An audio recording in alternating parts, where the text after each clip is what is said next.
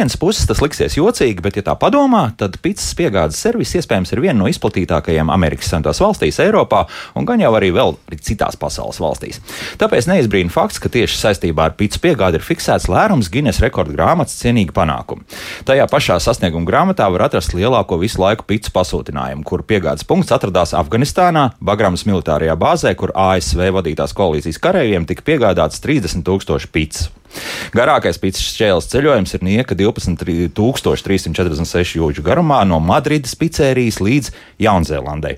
Piegāde prasīja trīs dienas, un nezinu, vai cilvēks, kas tāpat staigā visu laiku ar galvu uz leju, bija ļoti apmierināts ar trīs dienu vecu pīcis šķēles garšu. Bet mana cieņa gan raisīja kāds pīcis piegādātājs vai piegādātāji no Tanzānijas. Nav jau tā, ka tur nav pizzerija, bet piegādes galamērķis gan varētu radīt zināmas problēmas. Pīca tika pasūtināta uz Kilimanģāro kalna pašu virsotni, kas, protams, nav Everests, bet savu 5097 metru uz augšu piegādātājiem tāpat bija jāpārvar. Un tas viņiem izdevās. Šodien gan par kalniem nerunāsim, uz kalnos nekāpsim, bet kā pasta sūtījumi pārvietojas pa mūsu viscaurgludo tēvzemi, par to šodien raidījumā Kā labāk dzīvot. Mārtiņš Paiglis pie studijas pults, Loreta Bērziņa raidījuma producentu un Esēls Jansons šajā studijā. Esiet sveicināti! Latvijas pasts ir aicinājis savus klientus savus Ziemassvētku sūtījumus izsūtīt laikus. Kā tad decembrī strādās pasta sūtījuma piegājuši servisi, un vai svētku pasta kartīte tiešām jānosūta jau par burtiski šodien, to uzzināsim šajā stundā. Mani studijas viesti - Latvijas pasta valdes loceklis Kristaps Krūmiņš, sveicināti! Omniju klientu atbalsta centra vadītāja Rūta Gaurīlova, sveicināti! Labrīt. Un DPD pārdošanas un mārketinga vadītāja Dita Mirbaha, sveicināti! Labrīt. Sākam, nu, laikam no sākuma mūsu klausītājiem vajadzētu tā kā raksturot, ko tad tas īsti decembris visiem nozīmē cik tie, tie mēs varam rēķināt procentos pieaugums sūtījumu, vai tie ir reižu, teiksim, mm, palielinājums, salīdzinot, pieņemsim, ar novembri vai, vai oktobri. Uh, nu, te droši vien es runāšu pasta vārdā, Jā. un pastam ir mazliet tāda specifiska, ka, ka tur ir vairāk tie produkti. Ja. Un, viens ir vairāk saistīts ar dāvaniņām, ar pakām. Un, un visādām lielākām, mazāk izmēru, un otrs ir vairāk ar apsveikumiem. Un, un te būtu eh, varbūt tās divas tās dažādas tendences. Pēdējos gados es varu teikt, ka vairākas reizes Ziemassvētku laikā uh, mums palielinās apjoms, kas saistīts tieši ar pakām. Jo daudz iepērkās attālināti, un tad vai nu sev, vai uzreiz jau kādam savam tuviniekam nosūta šīs dāvanas. Ja mēs runājam par apsveikumiem, tā vēl joprojām ir tāda forša tradīcija, kas turpinās. Un, uh, tur es teiktu, ka ir reizes divi tas uh, ikdienā ierastais vēstuļu apjoms. Ziemassvētku laikā tad reizes divi ir um, tieši uz šo apsveikumu, vēstuļu rēķinu. Tātad vēl joprojām kartītes tiek sūtītas. Jā, vēl joprojām sūta. Jā, labi, tā, kas ar jums notiek? Uh, Omnivā tātad mūsu specifika ir gan pakomātu piegādes, gan kurjeru piegādes, un uh, tur varu teikt, ka principā uh, mums tas pieaugums ir tieši vairāku reižu. Uh, Vairāk ietvaros. reižu, jā, Jā, uzreiz. jā, jo uh, kurjeru piegādājs varbūt tas pieaugums nav tik liels, taču uz pakomātu tīklu mēs to noslodzi izjūtam katru gadu diezgan, diezgan spēcīgi. Kā nāk tas decembris, jā, tad uh, sākot no kaut kādas tās mistiskās melnās piekdienas, tā jā, aiziet. jā, jā, jā, principā aktīvākais laiks mums jau ir sācies. Mm -hmm. Mhm, Un DPD tad ļoti līdzīgi būs. Jā, nu šis ir tas laiks, kad DPD nolikto pārvērš par tādu kā rūķu darbnīcu, kur uh, var manām redzēt, ka cilvēki tiešām sāk domāt par dāvanām, un uh, tas, ko mēs ļoti izteikti pamanām, kad uh, tie iepakojumi ir uh, vairāk tādi tā kā jau nu, ar lentītēm, un uh, tas ir tāds pirmais signāls, kad ir sācies uh, šis Ziemassvētku periods, un uh, mēs savukārt mēram visu procentuāli. Mums patīk mērīt kvalitāti procentuāli, paku skaitu un uh, izaugsmas iespējas. Un uh, tas, ko mēs esam pamanījuši, jā, kad pirms nedēļas uh, sākās strauji sūtījuma pieaugums, un šobrīd mēs sakam, ka tas ir par 25% augstāks nekā tas bija iepriekš.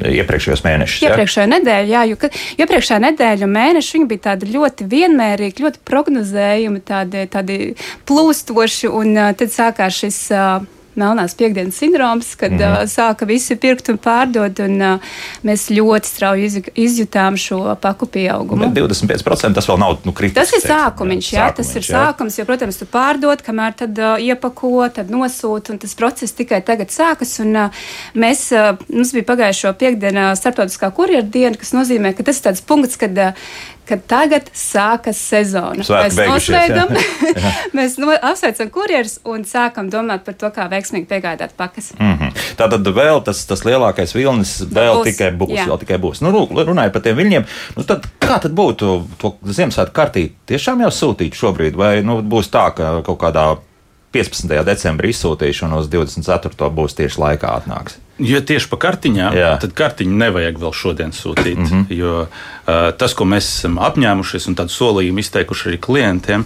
ir, ka um, kartiņas vai vēstules pilnīgi noteikti nonāks pie klienta nākošajā darbdienā. Nu, varbūt tās pēdējā Ziemassvētku vakarā nu, nevajadzētu mēģināt eksperimentēt, ja, bet, bet nu, es teiktu, nedēļu iepriekš, ja būs izsūtījis, nu, tad būs pilnīgi garantēti. Jebkurā Par Latvijas vietā. Jā, tā Jā. ir. Viss Jā. vis pēc uh, Tur būs pavisam droši jā. un laicīgi. Jā. Mm, Bet eh, nu, tas, kas būtu saistīts atkal ar eh, šīm dāvanām, kur jau ir internetu veikals iesaistīts, tur gan mēs aicinātu, ka pasūtam laicīgi, lai nav tā, ka ir Ziemassvētku vakars un, un nezinu, vai man būs ko līdz zemeglītes. Nu, to mēs skaļi nedrīkstam teikt, kā nokļūst zemeglītes dažādi sūtījumi. Jā, varbūt mūs klausās kādi jaunāki radioklausītāji. Labi, bet tas, tas joks, protams, bet uh, runājot uh, par to, kā pateikt, cik tā kartīte izmaksās, respektīvi, cik tai markai jābūt lielai, kā to noteikt ir. Nu, tas visvienkāršākais veids un mūsdienīgākais ir uh, izmantot tos elektroniskos līdzekļus, kas ir pieejami. Tā ir vai nu Latvijas pasta aplikācija, tur ir kalkulators, varam sarēķināt ne tikai kartiņai, bet arī jebkuram citam sūtījumam šo vērtību. Ja nē, tad varam iet uh, arī un apskatīties mājaslapā.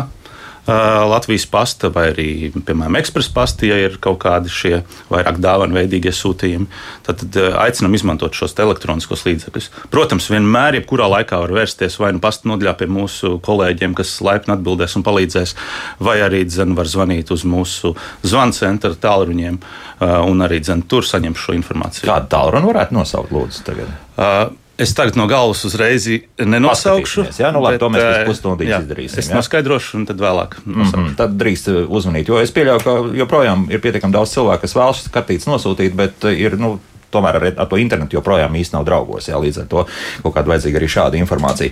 Tā, kas notiek ar, ar pārējiem sūtījumiem? Plānojat, uh, uzskatījos, Nu, elementāra situācija lidostā redzēju, ielidoja mūsu nacionālais avio pārvadātājs ar divu stundu novēlošanos. Tas skaidrs, ka mīnus divas stundas, jo tur ārā tika krāpēts nu, milzīgs kaudzes ar dažādiem sūtījumiem. Jā. Viņi iespējams, ka tieši apkalpo gan Latvijas pasta, gan arī jūs, ja pietiekami lielos daudz. Ne? Jūs pat ne. jā? Mums ir sauszemes, DPD Aha. notiek viss ar sauszemi. Nu, jā, bet katrā gadījumā nu, skaidrs ir viens. Lūk, jau mīnus divas stundas jā, no piegādes. Kā, kas būs tālāk? Uh, jā, ir tā, ka mēs ā, piegādājam arī Ķīnas sūtījumus, uh, kur, protams, tā piegāde var variēt, arī, kā jau jūs minējāt, arī par to piegādes laiku. Uh, taču no savas puses klientus noteikti aicinam sūtījumu piegādi un nosūtīšanu neatlikt uz pēdējo brīdi. No savas puses um, informējam klientus, ja nu ja nu gadījumā kaut kas neizdodas vai neizdodas tik ātri atrast dāvanu, tad tas pats, pats pēdējais datums, kurā nodot sūtījumu, kas uh, tiks sūtīts pa Latviju, būtu 20. decembris, bet nu, tas būtu pats, pats pēdējais, kad mēs vēl varam garantēt, ka līdz svētkiem sūtījums tiks piegādāts. Taču no pieredzes un skatoties arī atkarībā no pakomāta konkrētās noslodzes, tad mēs tomēr aicinātu nu, kādu nedēļu iepriekš sūtījumus izsūtīt, lai tad arī nu, nav jāsatraucās par to, vai atnāks, kad atnāks, cikos atnāks un, un, un, un tālūk. Un arī tas, protams, ir ļoti atkarīgs no, sūtī, no konkrētā pakomāta noslodzes. Un šobrīd mēs esam sākuši to praksi, kad mēs regulāri kartē atjaunojam noslogotākos pakomātus, un respektīvi pirms nosūtīšanas klients var ieiet mūsu mājaslapas kartē, apskatīties konkrēto pakomātu vai adresi, paskatīties, kas ir tuvākie, un tad pakomāts, kurš iezīmēsies pelēks, tas nozīmē to, ka tas ir ļoti noslogots pakomāts, un mēs varbūt aicinātu tomēr izvēlēties kādu citu, kas ir tuvumā. Mhm. Cik jūs uh, bieži tad pēc tam tīrāt, ja tā var teikt, šos pakomātus, kur jau ir salikts iekšā šīs dāvanas, kas jāpārsūta kaut kur citur? Uh, nu, principā svētku laikā tas notiek vairākas reizes dienā. Tas ir skatoties pēc konkrētās uh, sūtījuma apjoma situācijas, uh, pēc loģistikas procesiem. Līdz ar to tās noteikti ir vairākas dienas nedēļā. Šobrīd jau atkal esam atsākuši arī pakomātu apkalpošanu svētdienās, ko mēs standarta situācijās nedarām. Taču, jā, nu, skatāmies visu pēc tekošās situācijas un, attiecīgi, arī pielāgojamies. Mm -hmm. Un kā jums ar pakomātiem klājas? Mums pakamātiem ar vien labāk klājas. Jā. Šis, šī gada nogale ir iezīmējusies arī ar diezgan tādu intensīvu un strauju šo pakamātu skaitu palielināšanu. Mēs, jā, ir, ir veiksmīgi noslēdzies iepirkums, kur ietvaros mēs paredzam uzstādīt vairāk nekā 120 pakomātus jaunus. Un faktiski šis decembris ir tāds, kur, nu, tā ļoti vienkārši sakot, katru dienu pa vienam jaunam. Un līdz ar to šis pakomāta tīkls aug gan strauji. Strauji pa visu Latviju? Vai? Pa visu Latviju. Kas ir svarīgākais, jā, jā. laikam šajā lietā. Dita, kā jums tur? Nu, mums ir brīnišķīgi. Jā, mēs uh, parasti svētku sezonā gatavojamies jau uz vasaras, uz vasaras izskaņu un uh, jau oktobra beigās sākām veikt piegādes septiņas dienas nedēļā, tad, tad kurjeri apkalpo paku skapjus arī nu, tad, tad, svētdienās, un tas ļauj mums vienkārši paaugstināt savas kvalitātes procentus un, un to servisu, ko mēs esam apsolījuši klientiem, kad piegāde ir nākamajā dienā. Ir prieks redzēt, ka ļoti bieži piegādes ir ātrākā 24 stundu laikā. Un, uh, mēs arī sekojam uh, šiem kvalitātes procentiem, vai mēs šo solījumu pildām. Tas nozīmē, ka. Uh, no, kā jums tie procenti izpildās nu, pa 100%? Vai, vai? uh, tad, tad uh, nu, jā, mēs uh, šobrīd uh, pa, pakumātu vai pakuskapju piegādes pildām ar 98% piegādi nākamajā dienā. Uh, tā, tāpat kā varbūt tās uh, kolēģiem, uh, arī mums ir uh, tā lieta, ka uh, dažkārt. Uh, nodalījumi ir aizņemti, ir noslogotā, noslogotāki pakuskapji. Un, uh, mēs arī rād, norādām, kur ir tie noslogotie pakuskapi, lai izvēlas uh, kādu citu. Tāpat, kur ir apkalpo pakuskapjus uh, vairākas reizes dienā, arī vakarstundās. Un, uh, nu, bet tas tā izvēle jā. tad ir tajās vietās, nu, piemēram, Rīgā, jā, līdz ko tas ir kaut kur drusku vairāk. Nē, mums ir arī reģionos, mums ir ļoti čakli reģionu rūķi, kuri šo uzdevumu uh, veikt ātras piegādes uztver uh, ļoti atbildīgi, un uh, viņi tiešām ar lielāku atbildību brauc pat vairākas reizes dienā, un, un tas nav tikai Rīgā. No, tas tas ir visā Latvijā. Tāda rekomendācija Segons ir uzrakstījis, Jā. kurš iespējams ir tie 2%, kur nav saņēmuši 24 stundu laikā. Nu, viņš rakstā. Mm -hmm. Īsti es nesaprotu, bet nu, lasīšu tā kā ir. Kāpēc tad citi kurjeri jau pusgadu sūdzas par nedēļām ilgām kurjeru piegādēm pat Rīgā, jo lasot ITL DPD sūdzības pārņem nekādu sajūtu? Un uh, pēc tam ir Latvijas pastam, tur tiks, jā, bet nu, sāk, sākam ar DPD. Tad, tad jautājums par kurjeru piegādēm. Jā, acīm redzot. Jā, jā. Tad, tad arī kurjeru piegādes mēs monitorējam. Un, tas mūsu galvenais mērķis ir uh, 99,9% piegādes nākamajā dienā. Ir, protams, situācijas, kad var nenotikt piegāde, ja gadījumā tiešām ir norādīta nekorekta adrese vai telefona numura kļūda. Un tajā, tādās situācijās, protams, tā iespēja piegādāt nākamajā dienā krietni samazinās. Līdz ar to, ja ir kaut kādas kļūdas norādītajā pavadlapā saņēmēji, tad mūsu klienta apkalpošanas dienas sazinās ar šo saņēmēju, lai precizētu informāciju un veiktu, norīkotu paciņu uz atkārtotu piegādi. Uh -huh. Egons bija. Jā, Egons. Egon, kungs, lūdzu, uzrakstiet mums uz DPD uh, klientu apkalpošanas centru. Mēs ar prieku parūpēsimies par jūsu sūtījumu piegādi. Nu, lūk, tagad Latvijas pastam savukārt pār, tāds pārmetums par to, ka no ķekavas sūtīt nekustamā īpašuma nodokļa vēstule četras dienas no Rīgas, vienu nedēļu kāds um, nākošās dienas piegāde, respektīvi, ka četras dienas laikam ceļot tā vēstule par ilgu esot. Nu, droši vien, ka atkal jāskatās, ir, um, kas tas ir bijis pa konkrēto gadījumu. Jo kāpēc es varu izteikt uh, tādu apgalvojumu, ka nākamās dienas piegāde tādēļ, ka mums no Sabiedrisko pakalpojumu regulēšanas komisijas uh, ir oficiāli mērījumi, kurus uh, saskaņā ar viņu pasūtījumu veids TNS um, kompānija. Un tad šie mērījumi parāda to, ka tie kvalitātes rādītāji ir atbilstoši tiem, ko es arī minēju. Protams, kā jau arī kolēģi minēja, mēdz būt dažādi veidi izņēmuma gadījumi. Man šobrīd būs ļoti grūti dokumentēt par to, kas ir bijis par iemeslu tieši tajā gadījumā, kas minēts. dienas tas ir ceļojis. Jā, jā nu... bet, ja drīkst, es varbūt tās arī izmantošu iespēju nedaudz vēl pateikt, ko mēs darām tādu, lai klienti pēc tām saviem sūtījumiem tiktu ātrāk. Un man eh, šķiet, ka viena forša lieta ir, ka mēs visi tā Latvijas pasta ģimene eh, attiecībā uz pakomātu apkalpošanu esam vienoti.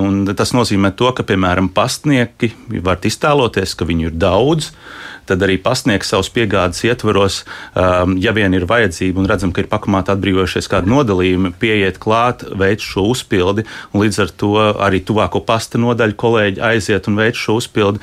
Tādā veidā mēs varam nodrošināt, ka caur vienu šo nodalījumu dienā tiek izsniegts būtiski vairāk nekā viena vai divi sūtījumi, ko var izdarīt kurjeris. Tātad nevis speciālais cilvēks, kas jā. to visu dara, bet, bet vēl papildus arī tie papildus. Jā, līdz jā, ar to ir daudz lielāku sūtījumu skaitu var šādā veidā saņemt. Nu, labi.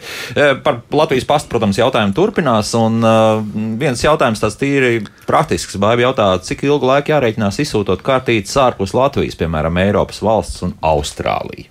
Nu, tad, laikam, būs atšķirība vai uz Eiropas valstīm vai Austrāliju sūtīt. Jā. Nu šeit tas stāsts droši vien būs ļoti līdzīgs kā ar jebkuru sūtību, ne tikai par pastkartītēm. Un stāsts ir par to, cik ļoti strauji palielināsies apjoma Eiropas lielākajās lidostās. Jo tas, kas notiekās, lai cilvēki saprastu, pārsvarā pastkartītes un, un šāda veida sūtījumi tiek sūtīti ar pasažieru lidmašīnām. Un, ja pasažieru lidmašīnā uh, bagāžas nodalījums ir pilns ar to pasažieru mantām, kuri tajā brīdī ceļo, tad attiecīgi ir mazāk iespēja pārvest no vienas lidostas uz otru. Un mēdz būt situācijas, kad attiecīgi šie pasta sūtījuma maisi tiek aizturēti un nosūtīti nākamo reisu. Līdz ar to ir ļoti daudz un dažādi šie faktori, kas var ietekmēt to laiku. Bet tur jau nav kaut kāda algoritma izstrādājušies. Jau sen nu, apmēram ir skaidrs, cik lidmašīna lidos, tikmēr apmēram tik ātri mēs arī aizsūtīsim. Uh, ir izstrādājušies algoritmus, kā katru no šīm valstīm, un mēs arī plus-mínus zinām tos laikus eh, uz katru no galamērķu valstīm, cik viņi ilgi ceļos. Bet, kā jau minēju, tad Ziemassvētku laiks ir ļoti neparedzējams. Varbūt, ka pēkšņi iegāž ļoti liels apjoms no kādas valsts, kur attiecīgi ir ar prioritārāku, augstāku klasi nekā Latvija. Un tad viss, jā, tad, tad ir kaut kāds. Tad mēdz būt, kad iesprūst. Nu, bet tā līdz Austrālijai tīri teorētiski. Nu, es domāju, ka uh, pie šī brīža apjomiem, kāda ir vispār šajā pastu segmentā, nu, nedēļas laikā vajadzētu aizceļot. Aizceļot, jā, un Eiropa ir krietni tuvāk Eiropa ir. Jā. Tur, kur ir tiešie reisi, tur uh, faktiski mums gandrīz ar, ar piemēram, ar Air Baltica vai arī citām aviokompānijām tie reisi ir katru dienu. Līdz ar to tas ir tikai dažu dienu jautājums. Jautājums, jā, jā. nu tad pārāk nav jāsatrauc. Šobrīd, šobrīd pilnīgi noteikti vēl nē. Nav, jā. Tā, nu, kāds radioklausītājs gaida. Lūdzu, jūs varat jautāt? Halo! Labrīt! Labrīt. Man piebilda Omnivas piegādātājiem. Uh, sūtītājs bija perfekti norādījis adresi, uzrakstījis, kurā pakomātā. Uh, 23. novembrī no rīta tika ielicis pasūtītājs, ne pasūtītājs, bet sūtītājs ielicis Omnivas pakomātā. Man atnāca ziņa 24. vēlu vakarā. Dabiski es vairs tik vēlu negāju, gāju 25. bet interesanti, ka bija pavisam cita adreses pakomātā ielikt sūtījums. Kaut gan adresāts bija smuki uzrakstījis visu. Viss ir redzams, lapa man vēl tagad priekšā stāv. Tā, tad, uh, tad bet jūs to sūtījumu saņēmāt, jā? Ja? Visi dabūjāt. Es saņēmu, jā, jā. es saņēmu. Nu, bet tur bija... bija piecu minūšu gājiens, bet es nesaprotu vienkārši, nu tad varēja tā kā Nu, iespējams, ka bija, ka bija varbūt tur pilns tajā adresē, es nezinu. Nu jā, skaidrs. Jā, labi, paldies. Jā. Mhm. Paldies. Tā.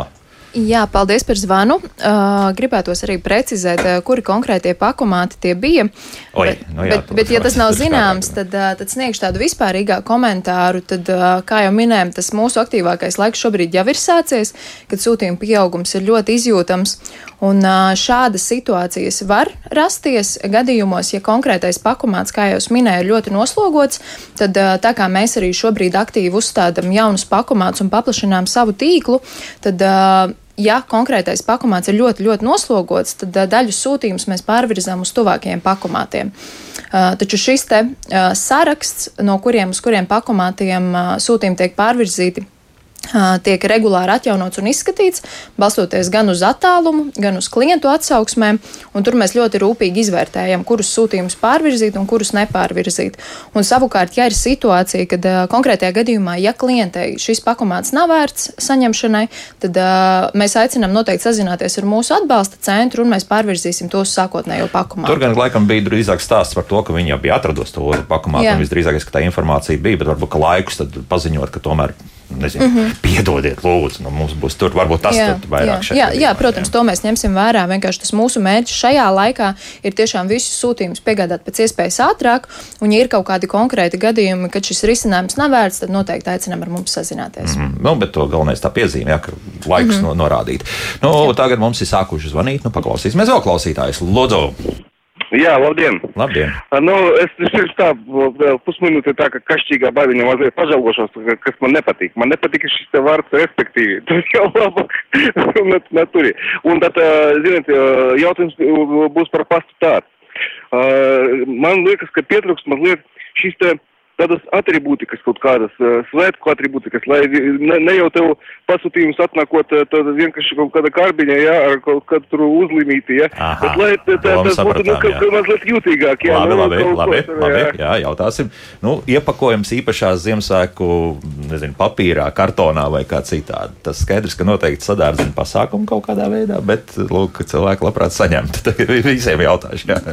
Nu, jā, tas, ko uh, mēs, uh, mēs neiepakosim dāvanu papīrā, uzreiz teikšu, ja, jo Jā, jā, tad mēs aizklāsim cieto informāciju, kas ir vajadzīga kurjeram, lai piegādātu. Nē, nu, kartoni jau arī var apgā, tā smuki Jā. apstrādāt, jā, kaut ko uzdrukāt. Bet tas, virsū. ko mēs esam darījuši, mēs esam darījuši tādas lietas, ka, piemēram, pakomātā esam atstājuši kādu, piemēram, kārtiņu ar, ar Ziemassvētku sveicienu pie, kopā ar šo te sūtījumu. Klientu reakcijas gan ir bijušas ļoti dažādas. Ja? Kādreiz viņi domā, tas nav priekš manis un atstāja. Um, jā, Jā. tad, ir, tad ir bijušas situācijas, kur mēs kādu, kādu tādu uzmundrinošu uzlīmi esam uzlīmējuši uz šī sūtījuma, lai tādā veidā nu, tās emocijas būtu pozitīvākas. Ja?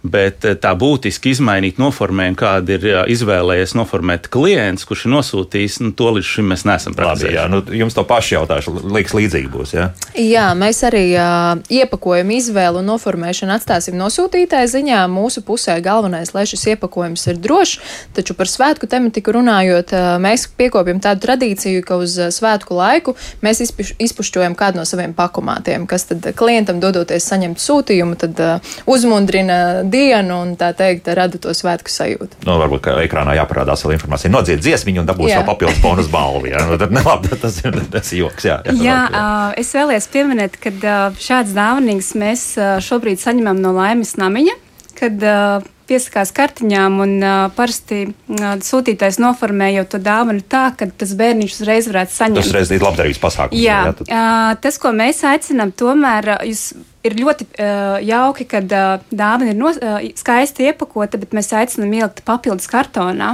lai viņi arī tikpat skaisti nokļuva zem eglītes.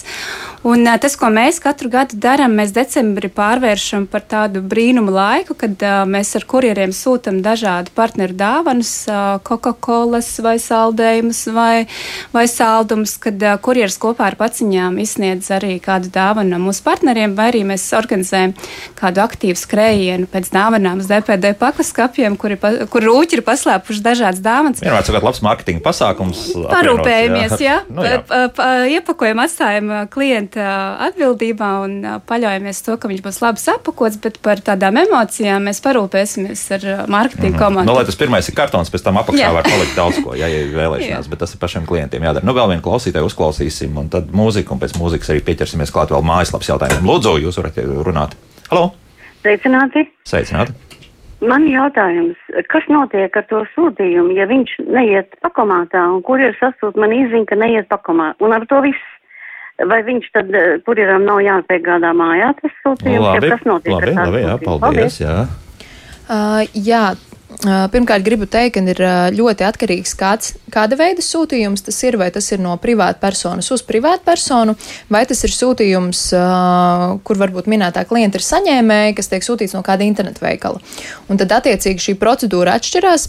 Mūsu biznesa klientiem ir norunas, vai mēs precizējam šo adresi, uz kuru piegādāt no klienta, un, attiecīgi, piegādājam adresē.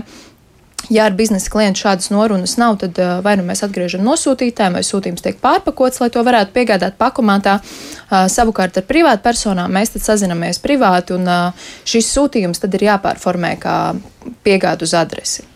Tā, tas ir iespējams šāds pakalpojums. Jā, jā, protams, jā. Tāpēc, uh, ja tomēr ir vēlme piegādāt konkrēti pakomātā, tad mēs aicinām sekot līdzi sūtījuma izmēriem, lai tie ietilptu pakomātā. Jums tāda problēma vispār jā? Es varu pieminēt, nē, mums, ir, mums arī saskaramies ar pakām, kas neatbilst ā, pakas skapju nodalījuma izmēriem, bet mēs to jau piefiksējam terminālā. Mūsu konvejeri spēja noteikt izmērus, un mēs šādas pakas ā, novirzam atsevišķi un formējam kā kurjeru piegādes. Mm. Mhm, jā, un, Nu, īstenībā atbilde būs ļoti līdzīga. Mums, teiksim, tā. Ļoti lielu daļu plūsmas sastāv, kā jau te izskanēja, piemēram, tie saucamie Ķīnas sūtījumi. Ja? Mm -hmm. Ikdienā normāli mēs viņus pārvirzam, bet, ja ir lielāka izmēra, bet tas sūtījuma vērtība ir salīdzinoši zema, tad viņu standarta risinājums būs nonākt pastnodaļā. Mēs uzaicināsim klientu atnākt pakaļ uz pastnodaļu.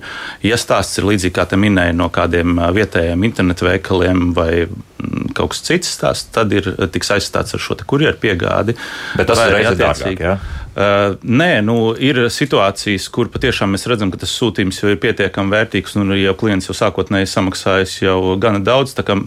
Veidojam arī tādas atkāpes, nevienmēr par katru mazāko kustību prasot papildus naudu. Tomēr, jā. jā. Mm -hmm. Nu, labi. Mūzika pēc mūzikas turpināsim atbildēt uz klausītāju jautājumiem. To ir daudz, un arī daži ļoti interesanti. Tos pietaupīsim pašām beigām, lai, lai būtu drusku arī būtu jautrāk šajā raidījumā. Labi, mūzika un pēc mūzikas turpinām. Kā labāk dzīvot? Šodien mēs runājam par pasta piegādēm visdažādākajām. Šeit studijā Latvijas pasta valdes loceklis Kristaps Krūmiņš, Omniju klientu atbalsta centra vadītāja Rūta Gaurīlova un DPD pārdošanas un mārketinga vadītāja Dita Mirbaha. Nu, lūk, ņemsim uzreiz kādu klausītāju, paklausīsimies, ko klausītājs vēlas mums teikt. Lūdzu, jūs varat jautāt? Halo! Halo. Sveicināti! Sveicināti. Uh, tā, prieks dzirdēt, ka Latvijas pasts rūpējas par mazajiem lauku iedzīvotājiem. Mums te tagad likvidē mazās pasta nodaļas vien pakaļ otrai. Kāda te vairs sūtīšana, ka pēc kartītēm jābrauc 30 km tālu un vispārējie pakalpojumi arī tiek nogriezti. Nu, paldies Latvijas pastam. Nu jā, tas, es saprotu, bija paldies ar lielu, lielu ironiju. Jā, situācija ir tāda, ka mm, mēs eh, monitorējam to, cik daudz eh, klientiem ir interese nākt uz pasta nodaļām. Un, eh, un tāds kritērijs, jeb, jeb kritiskais slieksnis, pie kura mm, nu, tā intensīvāk pievēršam uzmanību, tie pieci klienti dienā. Ja ir pieci klienti dienā, tad mūsuprāt, visiem daudz draudzīgāks risinājums ir nevis sēdēt un gaidīt, ka klients atnāks pie mums, bet iet pie klienta klāt.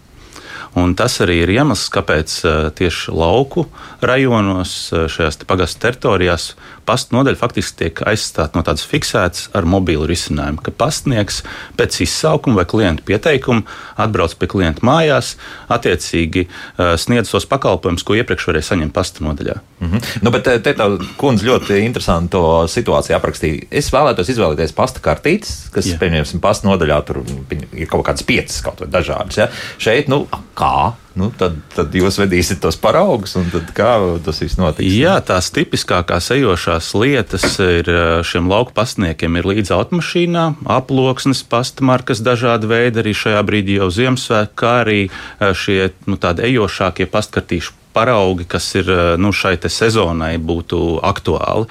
Līdzīgi ir arī ar tādām populārākajām visādām mazumtirdzniecības precēm. Eh, bet, ja arī dzen, eh, nebūs tā, ka tajā brīdī ir tieši tas, kas patīk līdzi, tad, kā jau zinat, pasniegt brauc piecas darba dienas nedēļā. Viņi nākamajā dienā atvedīs no tās pasta nodaļas, kur ir viņa bāzes vieta, atvedīs vēl kādus citus paraugus. Un pilnīgi noteikti es ticu, ja vien būs interese, tad atradīsim iespēju ar šo klientu satikties un, un atvest viņam to lietu, kas viņam interesē. Uh mhm. -huh. Tātad, principā, pasniegs brauc pie jums ciemos. Jā, jā. Tas ir jāsaprot. Kā mums ar tiem telefoniem klājas? Izdevās? Jā, jā izdevās. Jā, nu, tad. Jā, tie, tie divi telefona numuri patiesībā ir ļoti līdzīgi. Atšķirās tikai sākums. Tad uh, ir 27, 0, 0, 8, 0, 0, 1, vai nomainām pirmos divus ciparus uz 6, 7 un tālāk atkal 0, 0, 8, 0, 0, 1. Labi, tātad 2, 7, 0, 0, 8, 0, 0, 1 vai 6, 7, attiecīgi 0, 0, 8, 0. 01. Jā, tātad tur var viss eh, neskaidros jautājumus eh, risināt, eh, kas jums ir sasāpējuši. Tā, nu labi, tā, tad tagad turpinām lasīt, kas mums mājaslapā ir. Sapcīt par tām pastmarkām diezgan daudz jautā par tematiskām. Ir Ziemassvētku pastmarkas. Jā, ir Ziemassvētku pastmarkas arī tagad, pirms neilga laika. Izdevām jaunākās šī gada Ziemassvētku pastmarkas, ar kurām jau visās pastnodaļās klienti var iepazīties un iegādāties. Mm -hmm. Tad vēl runājot arī par šīm aizvērtajām pasta nodaļām, vai tur nevajadzētu tajā vietā vismaz pakomātu uzlikt? Tā tad, kā jau minēju, ir, ja ir pieci klienti dienā un tie pārsvarā gadījumu šajos lauku rajonos ir tādi klienti, kuri nav sūtījuši sūtījumus, bet vairāk ir nākuši mazumtirdzniecības dēļ vai arī, lai saņemtu skaidru naudu, jo šajās apdzīvotās vietās ļoti bieži arī uh, nav pieejami bankomāti, lai izņemtu citādākā veidā skaidru naudu. Uh, tad, uh, var sakot, mēs skatāmies to, cik daudz ir bijis kāda veida pakalpojumu pieprasījums. Ir apdzīvotas vietas, kur uh, varot iet pasta nodaļa tādā formātā, kāda viņa bijis, bet aizstājot ar kādu citu, mēs uh, esam paredzējuši, ka noliksim arī uh, tajā vietā pakomātu. Pie nosacījuma, ja klientiem ir patiešām vajadzība vai nu vienā vai otrā virzienā, tad vai nu nosūtīt vai saņemt šos sūtījumus. Mm, no, labi. Uh, jautājums vēl par pastam. Ja man atsūta paciņa, kur par piegādi ir jau samaksāts, lai izņemtu nevis pasta kantorī, bet pakomātā jāpiemaksā krietni 3 eiro vismaz, vai nebūtu vieglāk piedāvāt caur SMS izvēlēties uzņēmumu uzreiz izņemt pastā vai pakumātā atbrīvotos rindas pasta kantorī krietni? Uh, šobrīd mums nav risinājums, ka caur SMS varētu pieteikt šī sūtījuma saņemšanu kādā citā izsniegšanas vietā, bet uh, klients var izmantot Latvijas pasta aplikāciju un tur uh, sūtījumu, uh, kurš ir nonācis tajā brīdī pasta nodaļā, vai arī mēs aicinām arī klientus kādreiz, piemēram, tad, ja ir iepircies kādā ārvalstu internetu veikalā un zina, ka tas sūtījums nāks um, ar Latvijas pasta starpniecību, tad jau laikus šo sūtījumu numuru norādot mūsu aplikācijā var izmainīt tā sūtījuma ceļojumu šeit Latvijā var nonākt viņš pakumātā. Varbūt kāds grib saņemt viņu degvielas uzpildes stācijas um, Circle K tīklā, uh -huh. jo tas arī ir mūsu partners.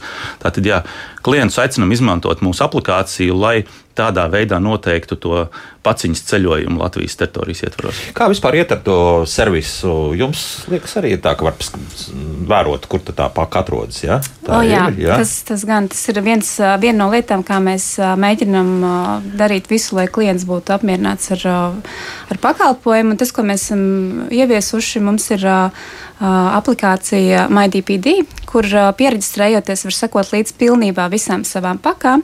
Tāpat arī tiklīdz, nu, kā jūs gaidat paciņu, jūs saņemat īziņu, un tur ir iespēja arī pārvirzīt paku uz paku skapi, kas klientam ir bez maksas, par to papildus nav jāmaksā. Un chatbots Dīcis kas runā ar mūsu klientiem 24-7. Var iespēju pajautāt, kuri man paka, kad būs kurjers un dažādas interesējušas jautājumus par paciņu sūtīšanām un saņemšanām. Un Dīdzim ir jānorāda konkrētais numurs visdrīzāk. Jā, Dīdzim interesē pakas numurs, un tad viņš sniedz atbildi par, par pakas statusu, cik mhm. tālu viņi ir. Jā. -hmm. Jā, arī mūsu mājaslapā, mana omniva izsakošanā, ir iespējams izsakot sūtījuma ceļam ļoti detalizēti pa punktiem. Un, ja tomēr ir kādas neskaidrības, tad droši var sazināties ar mūsu klientu atbalsta centru. Un, nu, jau arī mūsu klientu atbalsta centrs kādu laiku darbojas 24-7. Tā kā klienti var droši zvanīt arī nakts vidū, lai noskaidrotu, kur sūtījums ir un viņiem tiks atbildēts. Zvan arī? un interesējas. Tad protams, tas, tas, zvana. Tas ir pieprasīts, jā, jā tāds servis. Jā. Jā, jā, protams, tā plūsma ir uh, stipri mazāka, kā tā ir dienas laikā, bet uh, ir pieprasīts. Naktī pēkšņi kādam ļoti vajag. Nu, ja vajag, tad vajag. Jā. Paklausīsimies, kā klausītāji vēl lūdzu. Labdien! Labdien! Es jums zvanu no laukiem, un mani interesē, kā tad pasniegs var laikā paspēt uh, avīzes piegādāt. Ja viņš vienās mājās vedīs paciņu, otrā uh, tirgos um, aploksnes, trešajā apsveikuma kartiņas, ceturtajā savāks naudu par elektrību un tā tālāk. Es jau tagad um, dienas avīzes es saņemu pēc pulkstens 12. citreiz, tad, kad pasniegs vadā pensijas, tad ir pat pēc diviem pēcpusdienās. Sakiet lūdzu, Jā. vai man kā um, laikrakstu pasūtītajam laukos nav savas tiesības laikā saņemt? Paldies. Vai jūs nedomājat, ka pasnieku par daudz um, apgādājat strādāt ar citiem Noslogo darbiem, daudz, kas ja? nebūtu nav pasniega tiešie pienākumi, Labi, manuprāt. Paldies! Jā. Tā, nu, kundzei ir vēlme saņemt no rīta rīta lai, laikrakstu. Jā, nu, nevis 12. Um, vai 2. dienā. Tātad uh, līgumi, kas mums ir noslēgti ar uh, preses izdevējiem, un arī dzen, prasības, kuras uh, mums ir uzstādītas kā tā saucamā universālā pasta pakalpojuma sniedzējiem no regulātora puses paredz to, ka, kā jau šeit izskanēja, lauku rajonos preses izdevumiem un arī dzen, vēstulēm uh, ir jābūt piegādātām konkrētas dienas laikā. Lielajās pilsētās, kā piemēram Rīga vai pat Tūmā Jelgava, Tur ir atkal atrunāti īpaši laiki. Ir no izdevējiem viņi redz, ka lielākais klientu apjoms dzīvo šajās pilsētās, tad ir pulkstenis astoņi. No rīta. No rīta. Jā, no rīta. Mm -hmm. bet, bet lauka rajonos ir dienas laikā. Un tas, ko mēs ļoti cenšamies darīt, ir pie situācijas, kad uh, samazinās to cilvēku skaits, kas abonē presi vai arī kas ikdienā sarakstās ar vēstulēm. Skaidrs, ka pasniegs summa kļūst tukšāka. Līdz ar to katra tā vienība, ja mēs brauktu tikai ar presi, viņa būtu ļoti ekskluzīva un dārga. Tādēļ, manuprāt, ir uh, tomēr pareizi, ka mēs meklējam tādu kompromisu, ieliekam vēl kādus citus produktus šī pasniegta summā, bet tādā veidā uh, tā presa, piemēram, nesadādz, nesadārdzinās tik strauji. Jo, ja brauktu tikai ar avīzēm, tad visdrīzākais kundze būtu neapmierināta, kāpēc tik strauji aug cena. Tāpēc, ka jāved tas piecas avīzes, piemēram, uz 100 km attālumu. Nu, tad no rīta būs jāklausās radio vai arī jāpaskatās televizors, un tad pulksten 12. līdz dienas otrai pusē, diemžēl, jā, jāsaka, un tad varēs izlasīt arī laikrakstu, jā, kas ir par to rakstīts. Nu, nu, tā, tā nu, mums, diemžēl, ir. Jā, nu, teritorija mums ir liela, nu, jā, un ar to viss izrietošās arī seks. Kāpēc pasta pakomāts Jēkabīlī vairāk neatrodas iekštelpās? Tas ierobežo izņemšanu. Es nezinu, tas ir laikam jūsējais. Neatrodas iekštelpās. Jā, neatrodas. Uh, tātad uh, mēs, kad uh, sākam veidot savu pakomātu tīklu, tad uh, vēlējāmies būt tajā brīdī atšķirīgi, jo mēs no vairākiem klientiem sadzirdējām to, ka tiek izplatīti medikamentus vai kādas kosmētikas lietas, ka ir ļoti svarīgi, lai ziemā nesasaltu un vasarā atkal lielā karstumā, piemēram, tas konkrētais produkts nesabojātos dēļ lielas temperatūras, dēļ siltuma. Tādēļ mēs sākām savu tīklu būvēt ar iekštelpu pakomātiem, kas bija izveidoti lielveikalos. Tagad, kā jau es pirms brīža minēju, mēs paplašinām tīklu, un šie visi pakomāti ir ārtelpu pakomāti. Līdz ar to klientam faktiski izvēlēties pakomātu būs iespēja skatīties, ko viņš īsti sūtīja sūtījumā. Ja tas ir tāds, kuram temperatūra lielu lomu nespēlē, tad izvēlieties, kuru vēlaties, vai nu lielveikalā vai ārā. Ja tur ir tomēr specifiskas temperatūras prasības, nu, tad atkal varam vērtēt. Visdrīzākais izvēlēties šo iekštelpu pakomātu. Mm. Kā tur ir? Tiešām ir sūdzības, ka omnibus, liekas, lielākoties visur atrodas ārpus, teiksim, telpām. Ja? Jā, mums visi pakomāti atrodas ārpus telpām. Ir kāds sūdzējies par to, lūk, kā šajā gadījumā, ka, ka lūk, Jākapilī vairs nav iekšā, tagad ir ārā, un tas, tas rada diskomfortu cilvēkiem. Nu, mūsu gadījumā mēs gan vairāk esam saņēmuši tādus labus vārdus un atsauksmes no klientiem par to, ka mūsu pakomāti ir pieejami jebkurā diennakts laikā, jo tāpat kā gan klientiem dažreiz patīk mums piezvanīt nakts vidū, tāpat viņi arī izņem sūtījumus nakts vidū, tāpēc tā pieejamība ir tas, ko klienti novērtē. Un, uh, ka kādas veikala durvis vienkārši nav cieta. Jā, jā, jā, tieši tā, jo tad cilvēks nav ierobežots laikā, bet viņš zina, ka jebkurā brīdī viņš varēs pienākt pie pakomāta un izņemt savu sūtījumu. Drošības jautājumi tur nav tik svarīgi. Ja? Uh, jebkurš pakomāts ir uh, aprīkots ar video novērošanu un signalizāciju, tā kā par drošību ir padomāts. Mm -hmm, jā.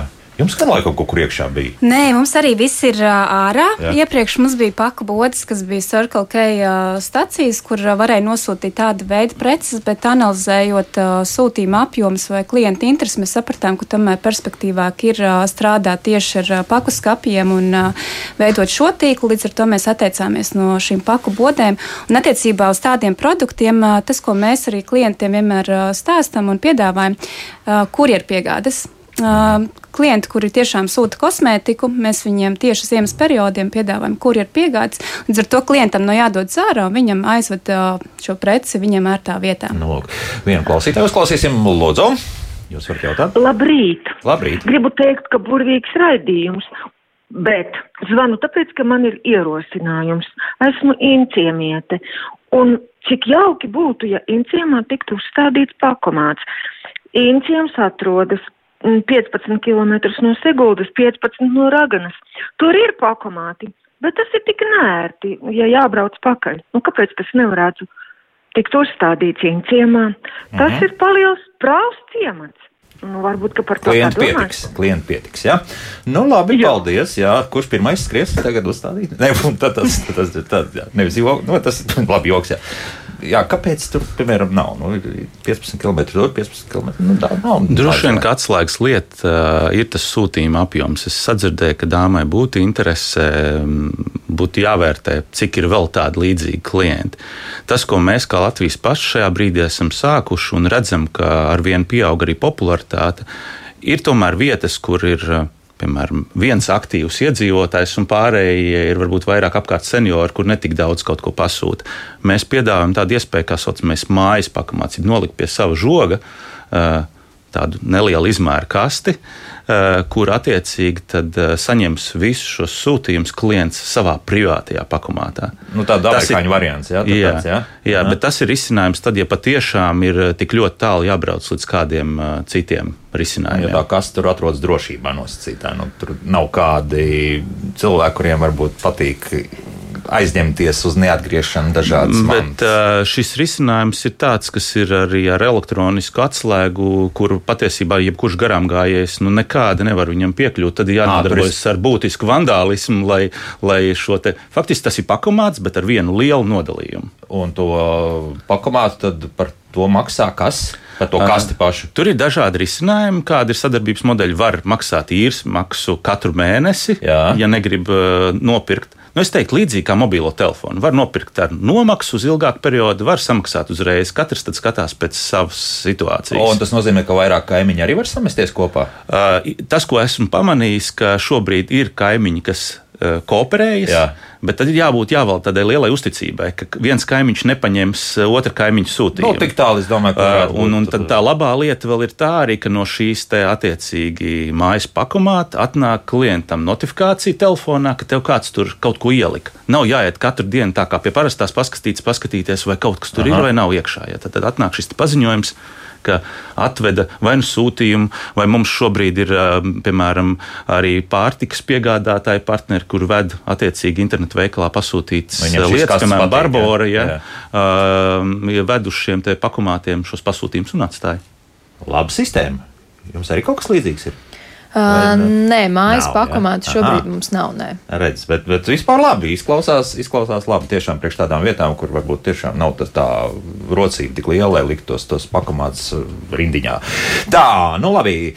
Bet, lūk, Latvijas pastā ekspresa kurjeriem vajadzētu sarunāt konkrētāku laiku, kad būs. Citādi ieradīsimies no 9 līdz 17. ir pārāk plašs. Visu dienu tas darbīgs cilvēks nevar gaidīt, kā Ailsa tā raksta. Es nezinu, vai tas attiecas tikai uz Latvijas pastu, bet iespējams arī uz DPD. Šat, tad, jā, tur ir tie, tie laiki diezgan pagari. No? Nu. Es ļoti labprāt nokomentēšu. Jā. Jā, DPD ir. Uh Uh, izstrādājis sistēmu, kad uh, tiklīdz kurjeris ir uh, noskanējis paku un ielicis busā, maršruts ir sagatavots tā visiem saņēmējiem aiziet īziņa. Un, mūsu noteikums ir, ka tas ir stundas intervāls, piemēram, no 10 līdz 11. Mēs konkrēti informējam par šo laiku, un kurjeris pielāgojas šim laikam, cikos viņam jābūt klienta adresē. Mēs aicinām šo stundu gaidīt to, ja, tomēr nu, nu, viena stunda. Ja, Viena stundas ietvaros, kur ir ierodas. Jā. Mm -hmm. nu, tev vēl kādi komentāri? Nu, es varu pateikt tā, ka jā, šobrīd mums tā amplitūda ir plašāka bet uh, tas ir uh, jaunā gada pats sākums, kad uh, esam paredzējuši uzlabot šo maršrutēšanas risinājumu, kas daudz precīzāk aprēķinās to ierašanās laiku. Līdz ar to jaunais gads visdrīzākais iesāksies arī mūsu klientiem ar to, ka būs daudz šaurāks šis laiks un nebūs gluži visu dienu jāsēž un jāgaida. Uh mhm. -huh. Tā, nu, Raimons ieskicē mm, vienu problēmu, kas ir patiesībā iespējams pat klienta problēma. Nav runa par jūsu tātad, uzņēmumiem, bet um, Par kādu citu gaidītu sūtījumu no Vācijas pagāja mēnesis, nekas nenotiek. Sazinājos ar firmu, atbildi vienkārši sūtītājs nebija norādījis man tālruņa numuru un ar adresi nepietiekot. Paskatījos maršrutā, sūtījums bija aizceļojis uz Somiju, pēc tam atpakaļ uz Vāciju, dabūju maksāt par atkārtotu sūtīšanu. Es saprotu, ka firmas vēlme ir sevi slavēt, bet pirms tam to vajag normāli um, piegādāt sūtījumu. Tā neprecīza kaut kāda informācija, cik tas uh, svarīgi, ka norādītu visu pēc iespējas. Tas ir uh, ļoti, ļoti svarīgi, un uh, no mūsu puses mēs arī regulāri aicinām mūsu klientus norādīt korektu informāciju, jo principā ir tā, ka to piegādi mēs varētu sadalīt divās daļās. Viena ir tā klienta atbildība par iepakojumu, par uh, korektiem datiem, uh, par iz, pareizi izvēlētu gala mērķi, un tad uh, otra puse jau ir tā mūsu atbildība, kur mēs izpildam to savu solījumu pret klientu. Un, tāpēc, jā, ja visi dati ir norādīti korekti, ja ir korekts tālruņa numurs, saņēmēja adrese, un uh, sūtījums ir korekti iepakots, tad principā mums nevajadzētu rasties nekādiem šķēršļiem, lai, sos, lai šo sūtījumu piegādātu. Un, uh, patiesībā mēs arī ikdienā saskaramies diezgan uh, bieži ar problēmu, ka vai kādas steigas vai neuzmanības dēļ klienti ievada nekorektu tālruņa numuru, un tad šīs situācijas ir jārisina, un arī klientiem ir jāapzinās, kāds ir tas risks, kad uh, durvju kods var aiziet uz uh, svešu tālruņa numuru, respektīvi trešajai personai. Mm. Tāpēc no savas puses mēs cīt, aicinām tiešām pievērst īpašu uzmanību korektiem datiem. Tas vispār ir aizpildot internetā šos visus slodziņus, tur šeit bija runa par neierakstītu telefonu numuru. Tas vispār ir iespējams, tu taču momentāli sarkani izlaks, ka rakst iekšā. Mūsu sistēmā jā? tas nav iespējams. Jā. Jā, tas ir dīvaini, kāpēc nu, šis konkrētais komersants ir atļāvies uh, kaut ko tādu vispār atļaut, ja, ka tādas lietas notiek. Jā? Uh, es varbūt tās. Nu, mēdz būt mūsdienu tik ļoti digitālajā pasaulē, ka kaut kādi datu tomēr apjomi nav saņemti no kādiem internetu veikaliem. Mm. Tas arī ir iemesls, kāpēc mēs, kā Latvijas pasts, esam sākuši un šobrīd aptuveni 100 tūkstoši no Latvijas iedzīvotājiem mums ir uzticējuši šo informāciju.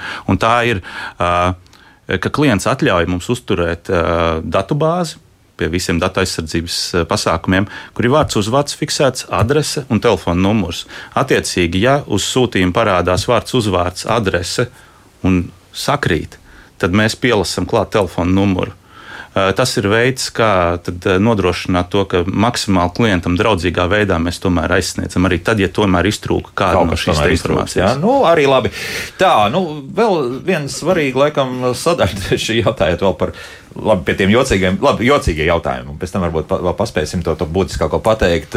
Jocīgais jautājums ir tāds, vai, vai dzīvnieks var pārsūtīt kaut kādā veidā. Nu, kāds domā, ka kaķīte aizsūtīt dāvanā Uh, diemžēl mēs nevaram teikt, ka mums nav pieredze šajā jautājumā, jo klienti ir sūtījuši gan dzīves bites, gan arī uh, ir bijušas zīltiņas uh, plasmas maisiņā ar ūdeni. Bet pēc mūsu noteikumiem mēs tiešām norādām, ka dzīves būtnes ir aizliegts sūtīt, jā, un šādos gadījumos vienmēr arī sazinamies ar klientiem. Mm, viss ir tas pats, jā. jā. jā. Par bitēm gan es teikšu tā, ja runājam tieši par nacionāliem pastiem, ja, jā. tad bites ir tas, ka, kas ir atļauts. Ach, tā. Ja ir atbilstoši iepakotas. À, nu, nu, droši, tā, lai jā. viņas netiek tur nosmacētas plēvas maisiņā, nē. Aha. Bet ir atbilstoši iepakojumi, un, un bites mēdz sūtīt. Mēdz tomēr sūtīt. Nu, nav, nav arī pārsteigums, un tas otrs jo, jo, ne, jocīgais jautājums, bet nu, jocīgākais sūtījums, kas ir bijis, kas, kas ir zināms. Jūs jau nezināt īsti, jā, ko mm. sūta. Bet... Nu, principā ir tā, ka, ja kādam ir interese apskatīt tādus jau konkrētus gadījumus, tad es aicinātu piesakot Omniva TikTok kontam, kur mēs regulāri arī publicējam tādus interesantākos un radošākos gan iepakojumus, gan uh, sūtījumus, jo Uh, nevienmēr, protams, mēs sūtījumu saturu redzam, bet dažreiz tas ir nu, jau no vizuālā skata saprotams. Un, uh, Tur ir tiešām iespēja apskatīt tādu izlasi no tiem pašiem interesantākajiem un radošākajiem, jo ir bijuši gan dažādi, eh, kā piemēram, nezinu, saldēta vista, kas tiek sūtīts ar pakomātu, vai nu, tādas līdzīgas lietas, Saldēt kas ir. Tieši, jā, jā, jā, tā kā aicinu arī klientus apskatīties. Tas var uzlabot arī atlaidusies, jā, varēs jā. arī lietot. Jā ir kaut kas tāds. Es droši vien nesaukšu nekādus konkrētus piemērus, bet eh, mēs ļoti bieži pamanām to, ka tur ir bijis iekšā kaut kas interesants, jo ir sākusi kaste, piemēram, tecēt vai. vai Uh, un izrādās, ka, piemēram, ir ķirbis bijis iekšā, kurš ir uh, pārāk ilgi tur kaut kur stā, nostāvējis un, un Nav izturējis, Nav izturējis šo ceļojumu. Jā. Es gribēju pieminēt, ka mums bija nesen gadījums, kad mums no Francijas sūtīja pūdēto sieru kas, protams, bija. Jā. Jā. Nu, tā, tā, tā. Un ātrais vēl visiem no jums, laikam, lūgums. Es pateikšu, izņemiet laikus jā, no visiem pakomātiem savas mantas. Jā. Saņemat īziņu un steidzieties pakaļ paciņai. Mm -hmm. Pilnīgi piekrītu. Tas visiem aktuāli. Lūk, vairāk nespējam atbildēt jautājumu vēl pietiekami daudz, bet jūs slavēsiet, ap citu. Ir daudz komentāru, visiem ir ticis. Tā kā viss ir labi. Paldies. Jā. Paldies. Mm -hmm. Latvijas pārstāvja valdes loceklis Kristaps Krūmiņš, Omniju klientu atbalsta centra vadītāja Rūta Gaurīlova un DPD pārdošanas mārketinga vadītāja Dita Mirbaha bija kopā ar mums. Paldies eh, par sarunu. Rīt eh, ķersimies klāt atkal saules paneļiem. Ko tad tagad darīsim? Rindā sastājušies uz, uz uzlikšanu, bet vai tas pēc tam būs kaut cik rentabli. Par to spriedīsim rīt raidījumā. Jauktdien visiem un atā!